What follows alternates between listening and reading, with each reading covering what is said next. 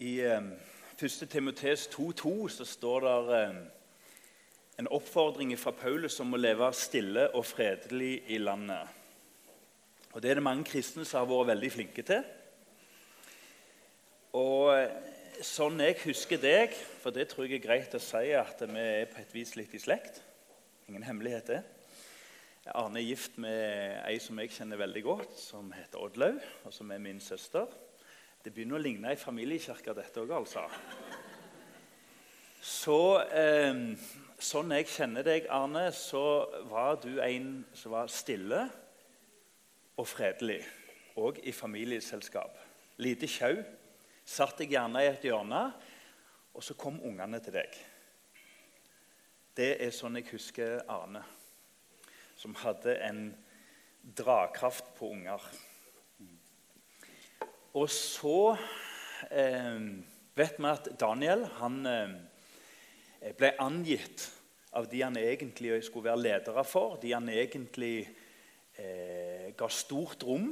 De svikta han, gikk bak hans rygg og hadde en ond plan for å få han i fengsel. Mens du, Arne, du gjør alt sjøl. Angir deg sjøl og roter det aldeles til. Og nå sitter du her som kriminell. Kan du i første del av dette intervjuet føre oss inn litt i det du brenner for, med disse tre kategoriene først? Og så I neste del så har vi lyst til å bli kjent med deg. Din kamp, ditt kall og Guds vei og Guds ferdiglagte gjerninger i ditt liv. Så Derfor er altså mitt spørsmål Hvorfor drar ikke disse her hjem som i 2011 fikk beskjed at hvis ikke du har gyldig opphold, så skal du tvangssendes hjem. Hva er problemet? Det, eh, jeg har en brosjyre som dere kan lese litt på når dere kommer hjem. Men eh, det er tre typiske grupper av de menneskene. Som, eh, egentlig så er det 3000 ulike grunner. For det er 3000 ulike mennesker med ulike livshistorier. Eh, men den første kategorien jeg vil trekke fram, det er de som er statsløse. Eh, ofte sier myndigheten de er reelt ureturnerbare, men vi har et formelt begrep, statsløse. Og de har ingen sted de kan reise. Eh, hvis de prøver å reise hjem til sitt eget opprinnelsesland, så er de ikke velkomne der. De får ikke reisedokumenter. Eh, jeg har en ansatt som heter Malik. Han har gjort alt. Han har fått kontakt. Altså Han har kjøpt advokat hjemme i Iran for å dokumentere sitt slektskap og alt det.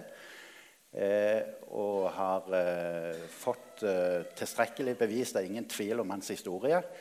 Iran vil ikke ta han imot, og han får likevel ikke opphold i Norge. Så han har intet sted på denne jordkloden der han er velkommen. Eh, det er den ene kategorien. Den andre kategorien er de grunnen til at ikke folk reiser hjem, det er vel kanskje den vanligste. Det er at de faktisk er redde for konsekvensene.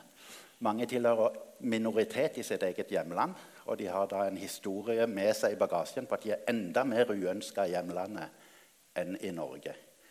Eh, for det at de, de, er kanskje kristne i et muslimsk land, eller de er homofile i et muslimsk land. Eller de tilhører en liten minoritet som av en eller annen grunn er hata i hjemlandet. Så de, eh, Kanskje det er så mange individuelle historier. De, de er bare fratatt gård og grunn og alt de eier og har, og satt helt på bar bakke fordi de er uønska i hjemlandet sitt. Og så har de kommet seg til Norge, og så skal vi da overgå eh, det sånn at de reiser frivillig. Og det, det, kan vi ikke lykkes med uten å Det går bare ikke an å overgå de grusomhetene. Så det at de mindre ønsker, Mange av de har jo da også frykt for forfølgelse, har ikke blitt trodd av UDI. Så Edris han begynte å jobbe for meg på en kebab i Oslo. Eh, politiet kom, ga han fengselsstraff, faktisk. 45 dager i fengsel for å ha jobba for meg. Eh, mens han sitter i fengsel, så sprenger bilbomba, dreper storebroren hjemme i hjemby, hjem, hjembyen og lemlesta faren. Og så Når jeg da får se asylsøknaden hans etterpå, så forteller han om allerede en bilbombeforsøk en gang tidligere. Ei brannbombe som er kasta inn i huset, og en forsøk på forgiftning av faren. Det er det han har fortalt til UDI. UDI har ikke trodd han, men når bilbomba endelig går og dreper storebroren og faren, så tror de på han. Så da han kommer ut av fengsel for å jobbe for meg, så får han opphold til slutt. Eh, så det, rettssikkerheten til disse er ikke veldig god, for å si det mildt. Og Den tredje gruppa det er den som rører meg mest. Eh, der kan jeg ta David, i, som vaska noen biler for meg litt i, bort på Østlandet. Politiet kom og tok fra han jobben. Han har er familiefar. Kona har opphold i Norge. Hans tre små gutter Jeg tror de var to, fire og syv år da jeg traff dem og spiste middag med dem. Eh, de har opphold i Norge, men han skal sendes ut. Eh, og jeg tror ikke han har så mye å frykte hvis han kommer tilbake til hjemlandet sitt. Men han vil aldri få se sin familie og sine barn igjen. For det at eh, kravene til familiegjenforening er at mora må ha ganske høy inntekt. Og som alenemor og hofteproblemer til tre små gutter så vil hun aldri kunne innfri det forsørgelseskravet som ligger. Så norske myndigheter sier bare du kan reise hjem og så kan du søke familiegjenforening. Og han vet at ja, det kan jeg gjøre, men jeg vil aldri få, få ja på den.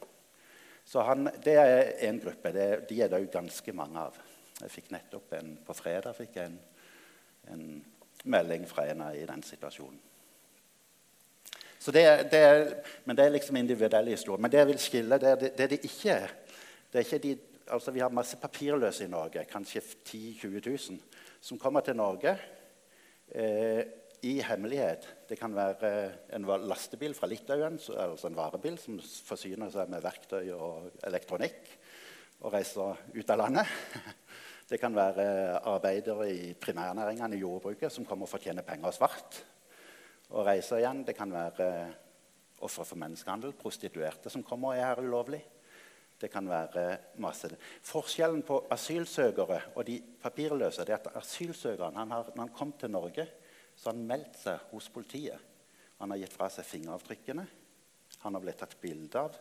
Han ble registrert, han forteller livshistorien sin og er veldig lett å identifisere på fingeravtrykk etterpå. Så han har spilt med åpne kort ifra han søkte asyl. I motsetning til de papirløse, som ofte er livredde for politiet. Så når du er ureturnerbar, så har du først søkt asyl, identifisert deg, fortalt historien din, så har du fått avslag likevel. Og så greier ikke politiet å tvangsutsende deg, og så blir du i Norge. Så det var på en måte for å si litt om Forstår dere hva, hva mennesker det er snakk om, hva situasjon de er i? Så vil noen av de kunne kanskje returnere frivillig hvis de hadde forsøkt. Men det er egentlig en hypotetisk problemstilling, for de våger ikke det.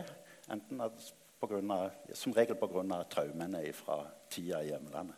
Hvordan er en hverdag for en som er i en sånn limbo? De får jo nå jeg har skrevet i brosjyren står det mindre enn 60 kroner dagen. Nå er det 63 kroner dagen eh, de får eh, hvis de er ureturnerbare. Da får de tak over hodet på et asylmottak, og de får dusje og varmt vann. Men de får ikke mat, ikke klær, ikke medisiner, ikke tannkost eller sånne ting. Det må de kjøpe for de 60 kroner dagen. Så, og det er ikke nok. Så det er jo ganske mange seriøse organisasjoner som, som, sier at det er snakk om feilernæring og sult. Mange har ikke smakt grønnsaker og kjøtt på lang, lang, lang tid. De spiser Det går på pasta og nudler og ris og ja. Om du var i deres situasjon, hva hadde du gjort sjøl? Jeg tror ikke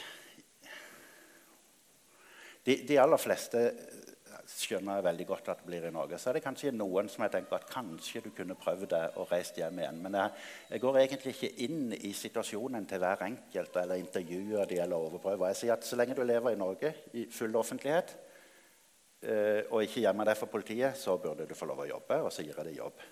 Og så spør jeg ikke egentlig etter hvilke grunner er det som gjør at politiet ikke kan returnere det. Jeg vet bare at det er ikke fordi de gjemmer seg. For når de jobber hos meg, så spiller vi åpne kort overfor politiet. Så politiet vet hvor de jobber. Så de aller aller fleste Hvis jeg, hvis jeg var David i, i, med tre barn og kone i Norge, så ville jeg jo selvsagt satt familien min høyere enn et utreisevedtak. Eh, hadde jeg vært edris med bombetruslene og forgiftningene og brannbomba, så hadde jeg også blitt av frykt for mitt eget liv. Eh, og det samme hadde jeg vært Malik, hadde, som var han tredje da, så hadde jeg ikke hatt noe valg. Hadde, han har prøvd å reise hjem, men får det ikke til. Men eh, Bibelen sier jo en del ting om å følge myndigheter og lover i landet. Ja. Du sa innledningsvis at jeg var kriminell. Jeg er faktisk ikke kriminell før vi har en rettskraftig dom. og det har Vi ikke. Vi ser sånn på deg, da. Ja. Har, de fleste ser på meg som kriminell. Eh, nå er Det jo, det, det står at du skal underordne deg enhver myndighet. Og det er jo ikke bare politiet og statsministeren. Vi har også en myndighet i Norge som heter grunnlov. Vi har en myndighet i Norge som heter menneskerettslov. Eh, så foreløpig er vi i avklaringsfasen på om det er meg som er sivilt ulydig, eller om det er myndighetene som er sivilt ulydige og ikke underordner seg disse myndighetene. Jeg ser der, der at vi må ha Høyesteretts avklaring på hva betyr Grunnloven og menneskerettsloven. Grunnloven sier at statens myndigheter skal legge til forholdene til rette for at ethvert arbeidsdyktig menneske kan arbeide. Eh, og så er det da spørsmål om hva mentes med det, og hvordan skal det anvendes på de ureturnerbare. Det er uavklart, og vi avventer. Så mitt prosjekt er å få en avklaring på det. Så er nok dere etter hvert nå at det har blitt kjent, så kjent med mange av de, at iallfall noen av de vil jeg være villig til sivil ulydighet for.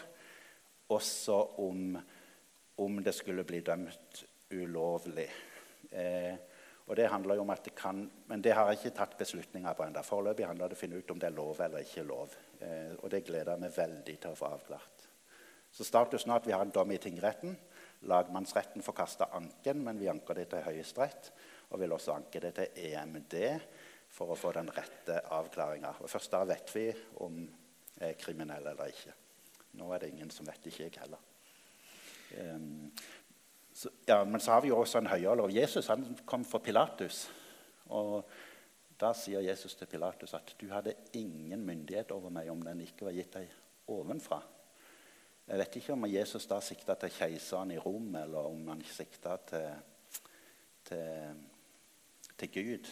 Eh, men det, det, er på en måte Også myndighetene våre er jo underlagt Grunnloven.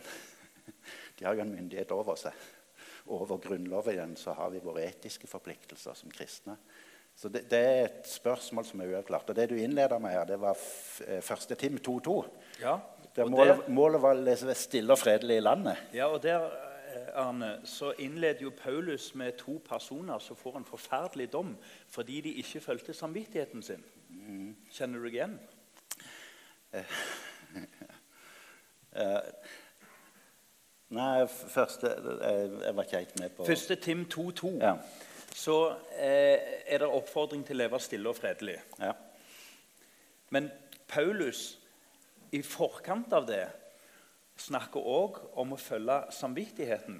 Og nevner to personer som det går ille nettopp fordi de ikke fulgte ja, en høyere samvittighet. Ja. Og så Første del av det verset om at skal, det står at du skal be for konger og myndigheter, slik at dere kan leve stille og fredelig i landet. Så når jeg lager så mye bråk, så tenker jeg at det er fordi vi ikke har bedt nok for våre konger og myndigheter i denne saken. Fordi at jeg kan iallfall ikke leve stille og fredelig og se på den urett som begås. Men hvis vi hadde bedt mer, eh, så tror jeg kanskje vi kunne fått lover som gjorde at det igjen gikk an å leve stille og fredelig i Norge. Så det er min tolkning av første Tim 2.2. Og så vil jeg jo ikke ha noe hemmeligheter for politiet. Altså, det, jo, det, å gå frivillig i fengsel det er jo på en måte å underlegge seg myndighetene. Gå inn i fengsel, ikke gjemme seg vekk eller drive med fusk og fanteri. sånn sett. Så Det er jo en konsekvens, og når en er villig til å ta de konsekvensene, så er det en åpen og ærlig sak. Ja. Har du sett eh, endring i menneskers liv gjennom plog, AS og lignende? Ja, det er jo veldig mange som har eh, det er veldig mange som har fått håp om at det kan skje noe ved at noen norske står opp for disse. For de har som regel vært veldig marginalisert. De kan ikke norsk språk og har ikke norske venner. Så det rører mange på dypet at en nordmann eh, tar risiko på vegne av de. Eh, så jeg får jo mye positive tilbakemeldinger for det. Og det ligger veldig mye håp i at kanskje det kan skje en endring. Eh, for mange av de har vært her i 10 år, 15 år og 20 år og hadde nok mista det meste av håpet i livet. Eh, og har fått et lite håp igjen nå. Og så er det jo en del som i praksis har fått Det er jo fem til ti mennesker som har fått seg en nesten full jobb og flytta ut av mottak og arbeid og betaler skatt og, og har fått normaliserte liv i en periode gjennom min virksomhet. Og så er det mange som har fått, små, fått småjobber. Eh, så det, det, betyr veldig mye for de det gjelder. Det, spesielt når det gjelder det med å ha et håp om at det kan bli bedre, og at noe, vi er ikke alene. Mm. Hvis vi går eh, noen år tilbake, eller du går noen år tilbake, hvor eh, begynte denne reisen i ditt liv? Det begynte med at vi inviterte en, eh, en familie fra Dale mottak på middag bare for å gjøre noe godt i adventstida. Og De kom, og vi ble kjent med dem. Og de var i den situasjonen. De hadde, far hadde jobba, mista skattekortet og satt nå i depresjon og endeløs venting. I dag har de fått opphold. Eh, så begynte jeg å se litt på det. og så, Når jeg hadde sendt noen e-poster og litt til myndighetene, så skjønte jeg at her er det ingen mulighet. Det nytter ikke å snakke med politikere, det nytter ikke å snakke med myndighetene. Det, altså Alt er låst. Eh, men Grunnloven og menneskerettighetene ligger det litt håp i. Og da må man kjøre juridiske sporet. Og så meldte jeg meg ut, for jeg er ikke jurist, og jeg hadde ikke penger og hadde ikke kompetanse. Men jeg tenkte at kanskje NOAS eller noen store miljøer kunne ta en sånn kamp. Men så fant jeg ut at alle de organisasjonene som kan ta en sånn kamp, de er finansiert av staten. Og det er ikke så lett å gå i strupen på pengesekken sin på den måten. Så, så at dette ser veldig mørkt ut. Så, men jeg, jeg, meldte meg ut og la det egentlig på hylla, selv om jeg så dette juridiske sporet veldig klart. Eh, så, så meldte jeg meg ut. Så gikk det vel ca. et års tid. Så hadde søndagsskolen i IMI. Og så forteller ungene om David og Goliat. Og forteller ungene at de må jo Sammen med Gud så går det meste an. Og så når jeg kommer hjem på søndagen senere, så slår det meg ned at hvordan kan du fortelle til ungene at de skal være Davider og storme mot Goliat når du sjøl skyter banen? For det hadde jeg jo gjort i et års tid. Og Det ble såpass alvorlig for meg at jeg drøfta det med kona. Jeg tenkte dette er Guds kall. Det var flere hendelser som skjedde den søndagen som jeg opplevde det som et tydelig kall fra Gud. Eh, og jeg ble enig med Oddlaug, kona mi, om at eh, dette er for dramatisk. Eh, Gud må være enda tydeligere. Vi sier hvis dette er din vilje, Gud, må du bekrefte det. Så jeg la det fra meg. Helt til, hadde søndagsskolen på nytt tre uker etterpå. Og da underviste jeg om gutten med nistepakka. Han hadde to fisker og fem brød, som ga den til Jesus. Og han ga, gikk all in. Han ga ikke to brød og en fisk til Jesus. Han gikk all in. Og så ble det mat til 5000. Og så igjen, når jeg hadde undervisning, jeg kobla ikke meg på historien i det hele tatt. Seinere på søndagen så plutselig Hallo, det er jo, skal jeg gi jobben, altså arbeidsplassen min, som heter Plog AS, skal jeg gi den til Jesus og gå all in? Å gi, gi, maten min til de papirløse, eller de ureturnerbare. Så det ble veldig tydelig. Så tenkte jeg, så satte meg og googla hvor mange er det som sitter i norske mottak. Så står Frode Forsang på forsida av VG. 5000 ureturnerbare i norske mottak. 5000, ja, Gutten ga nistepakka, det ble mat til 5000. Så jeg gikk på det. jeg. Og jeg, jo, jeg, hadde, jeg hadde, lyst, men det er, jo, det er jo, og det er jo bra. Og jeg visste jo hvis, på en måte, så, Du har jo Guds generelle kall til, til, oss. Det er jo noen ting du kan gjøre uten å, å, å få noe eh, spesifikt kall. For hvis du skal være snill med noen, så trenger du ikke spørre Gud er det, skal jeg være snill i dag. Eller hvis du skal eh, vitne Gud vil jo vi skal være åpne og ærlige og redelige og vitne. Vi trenger ikke spørre han. Vi vet det jo. Og også denne saken var en som jeg visste at jeg kjente Guds vilje. Eh, men det var nok for min egen del at jeg trengte noen sånn tydelige pirk. eh, så jeg tok da det valget, og vi visste at det ville kunne bli en tøff og langvarig prosess. Og vi valgte det i full åpenhet. Og litt sånn som Daniel, vi gjorde det jo ikke i skjul, men vi ansatte den første og sendte brev til politiet og skatt at eh, nå jobber hun. Og forventa jo en bot, en straffereaksjon. Men da snudde politiet, og så ble de redde. Og så drøyde de nest fire og et halvt år før de vågde å ta ut en sak der mot meg som vi nå har pågående. Så en arbeidsgiveravgift og alt som eh, Det er en svær greie å ansette folk. Ja, det, Hva var det du leste om Daniel? Han var uklanderlig og levde rettferdig, eller noe. Eller du leste om Daniel. Det var jo viktig for meg at ikke ga politiet at ikke det ble noe pengesnusk eller noe feil med, feil med alle de tingene. Men samtidig var det umulig å få det til. For hvis jeg spør skatteetaten hva med trygdeavgiften, hva med arbeidsgiveravgiften, hva med obligatorisk tjenestepensjon, hva med yrkesskadeforsikring, hva med alle reglene som fins Og vi har ikke begynt på HMS. Nei, HMS og alt det. Så jeg sendte bare sa at det framgår ikke av nettsidene deres, så dere må svare med. Og så fikk jeg tilbake svar fra skatt. Vi kan ikke svare, eh, men tingretten vil bestemme. Ok, Så, da, så jeg bare kjørte en helt åpen politikk, sa hva jeg gjorde. Og så sa jeg, når de, de sa at de ikke ville svare, så sa jeg ja, men uten svar så velger jeg å gjøre det sånn for at det skal bli rettferdig. Tilbake til skatteetaten. Så det jeg endte opp med, det var jo at det samla seg opp masse penger på Plog sine kontoer. Og, som, og, så etter to år var det gått, når jeg fikk et brev fra skatteetaten om at jeg måtte levere inn pengene eh, som jeg hadde satt av. Altså ny informasjon. Eh, og for å gjøre det så trengte jeg KID-nummer. Og det kjørte en lang prosess og e-post for å få KID-nummer som kunne få betalt inn skattetrekket til de ansatte. Men jeg fikk det ikke. Men jeg hadde fått krav om å betale inn. Og skatteetaten sin konto tar ikke imot penger hvis ikke du har KID-nummer. Så var, De gjorde det liksom så vanskelig de kunne. Men det jeg kunne gjøre, jeg kunne gå i minibanken og ta ut bunker med tusenlapper. Og legge en konvolutt og sende med verdibrev i posten. Så da hadde jeg min kvittering. Så jeg gjorde det, og ble kvitt skattepengene. Så gikk det en måned, så den konvolutten med tusenlapper gikk nok litt rundt fra kontor til kontor inn i systemet. Og så etter en måned ringer kemneren meg og spør om jeg kan hente pengene. Eh, og så har jeg jo fått krav om å betale det inn, og så sier jeg til kemneren at det er jo ikke mine penger, det er skattetrekket fra mine ansatte. Så hvis ikke du skal ha de kemnerne, så må du levere de tilbake til de rettmessige eierne, som er mine ansatte. Så da så jeg for meg oppslag i Stavanger Aftenblad der kemneren kommer med tusenlapper til mine ureturnerbare ansatte.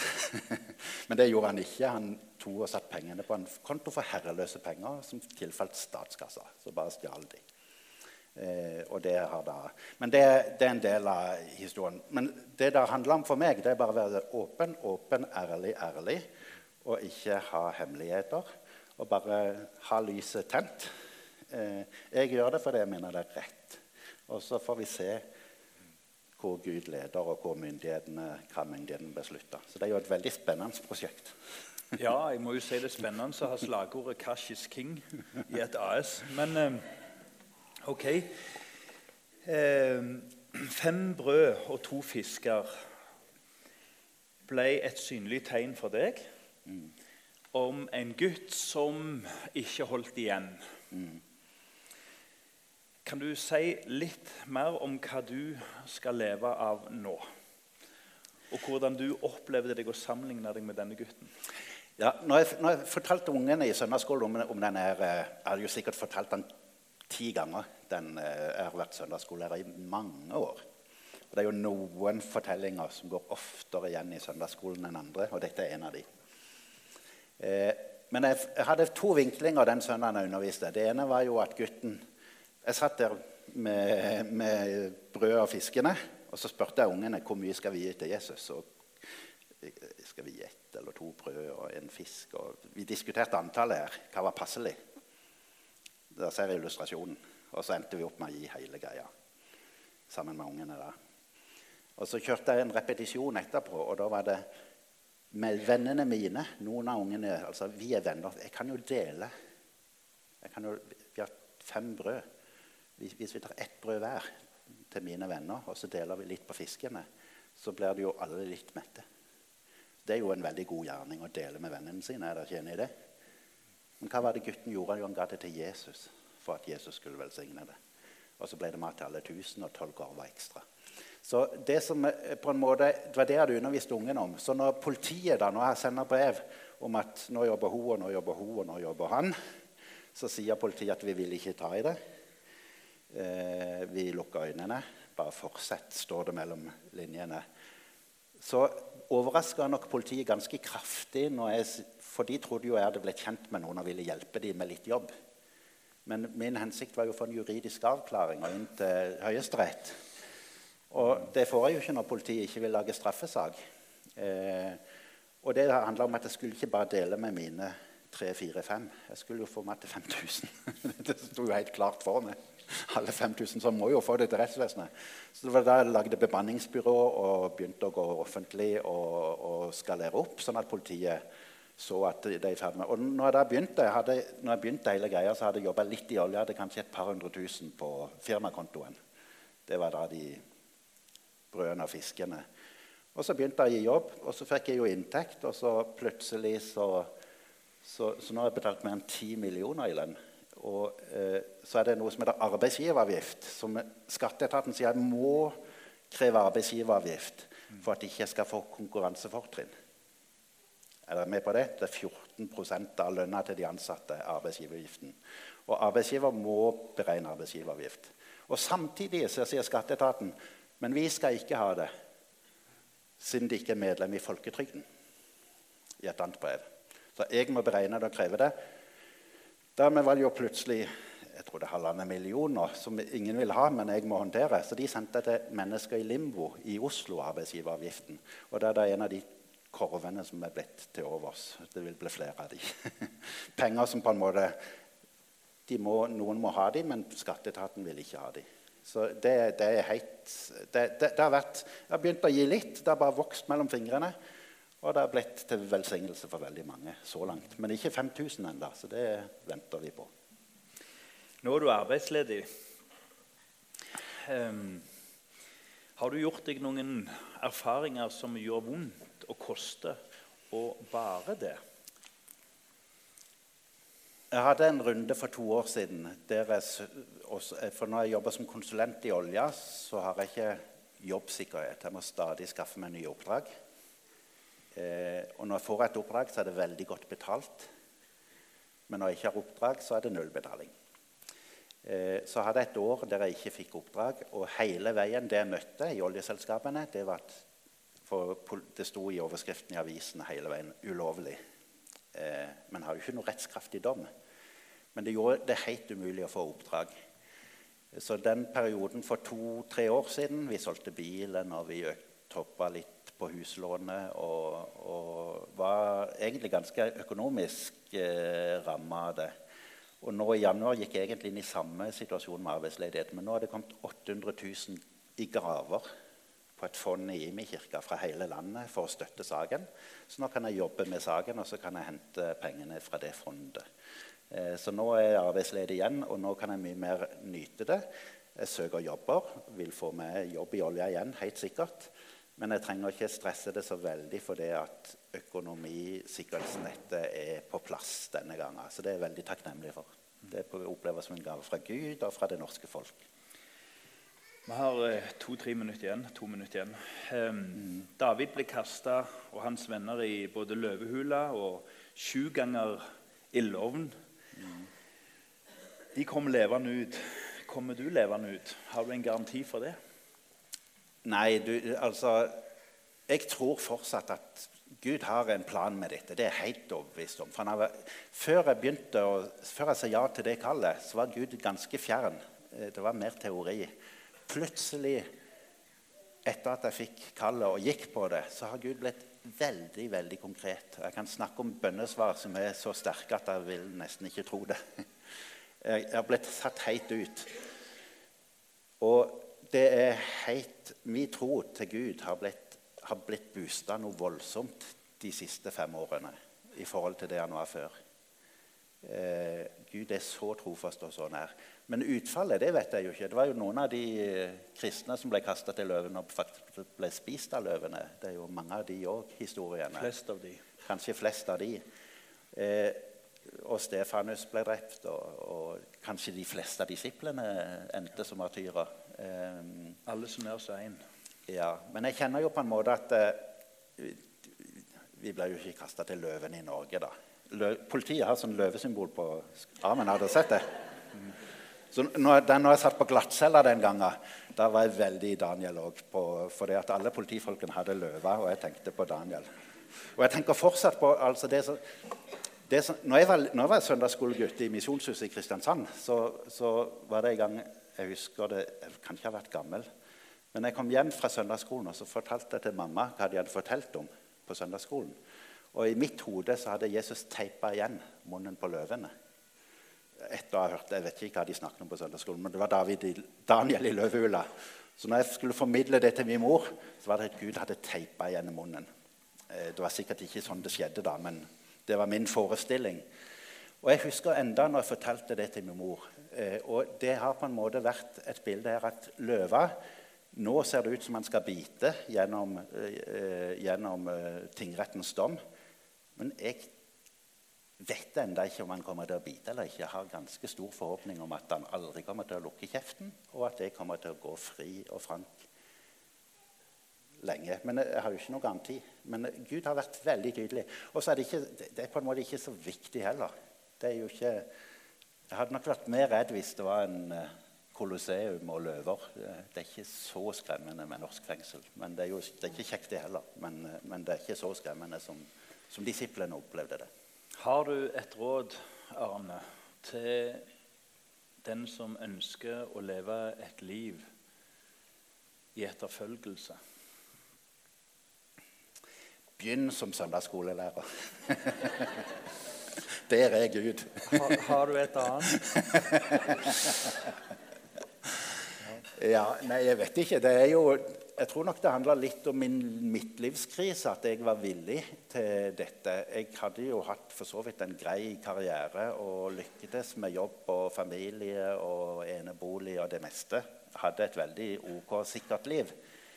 Eh, så, og det er jo men jeg hadde nok en lengsel etter tettere relasjon med Gud og, og, og leve mer for noe annet enn meg sjøl og mine nærmeste. Og det å ta den lengselen på alvor når kallet kom, eh, det var Jeg tror nok at den, det å ta litt på alvor den lengselen at vi lengter faktisk etter noe mer enn en sikkerhetsnett, sikkerhetsnett, sikkerhetsnett, hus, hytte, bil, sikkerhetsnett. Eh, vi lengter etter mening i livet. Vi lengter etter å være den Gud har skapt oss til å være. Og jeg opplever, som jeg sa i her salme, du har gitt meg større glede i hjertet enn andre har når det er overflod av korn og vin. Det kjenner jeg bare er, er så meningsfylt og så kjekt. Jeg vil ikke aldri bytte. Og det står i det sto i Salme 4, vers 8. tror jeg. Mm. Så det er jo noe med lykken i livet, hva den egentlig er. Hva, hva, er det vi mennesker lengter etter? Hva er Guds vilje for meg og for vårt liv? Som er litt Det trenger ikke være, det trenger ikke være så, så Jeg holdt på å si hva, hva, Det trenger ikke være så eksplosivt eller så synlig som det jeg har blitt kalt til. Men det går, kan likevel gå på mye mindre små ting, faktisk bety en forskjell, og gjerne da for de farløse eller enken eller innflytterne. Det elsker Gud. Herre Jesus, takk for eh, at vi fikk Arne hos oss i dag til velsignelse, undring og ettertanke. Og vi ber for Arne at du salver han og hans heim. Og så ber vi for farløse, enker og fremmede. Aller mest så vil vi løfte de fram for din trone i ditt navn. Amen. Jeg vil si, mens vi stiller oss opp så Mens vi hadde et lite preintervju her om dagen hjemme hos Arne Viste, så tikker det inn en SMS om en mann fra et land som sier at eh, Kontroller meg nå. Jeg er gift, har et barn. Kona mi er gravid. De får bli i Norge. Jeg er blitt skal nå tvangssendes hjem. Mm. Og er det sånn at ideen er at han skal ha kontakt gjennom Skype? Det er jo det som har vært eh, Det er ca. 2500 barn i Norge som lever uten en av foreldrene fordi vi har tvangsutsendt en av foreldrene. Og Det er jo bare å skyte oss sjøl i foten som samfunn og splitte kjernefamilien og sende ut en av de to viktigste personene i fars liv. Vi hadde en tannlege her som var sak i mediene. som var, hadde, Hun var jo kvinne og hadde et diebarn på seks måneder. Og UDI hadde fatta vedtak om at hun skulle tvangsutsendes for å kunne ha kontakt med sin seks måneder gamle barn via Skype. Eh, og så snudde UDI når vi fikk medielys på det, da, heldigvis. Eh, men det er jo om, om, du er seks måneder eller om du er 14 år, så er det dramatisk å miste far og mor og på den måten. Og som regel får de aldri oppnå jevnt familiegjenforening etterpå. Så det er jo det, det, er det punktet som ligger meg mest på på hjertet. Vi må slutte å splitte kjernefamilie og respektere Guds Det som Gud har sammenføyd, skal ikke mennesker splitte, står det i Bibelen. Og det syns jeg vi kunne respektert i Norge. Ja. Ta kontakt med Arne etterpå. Ja, ja.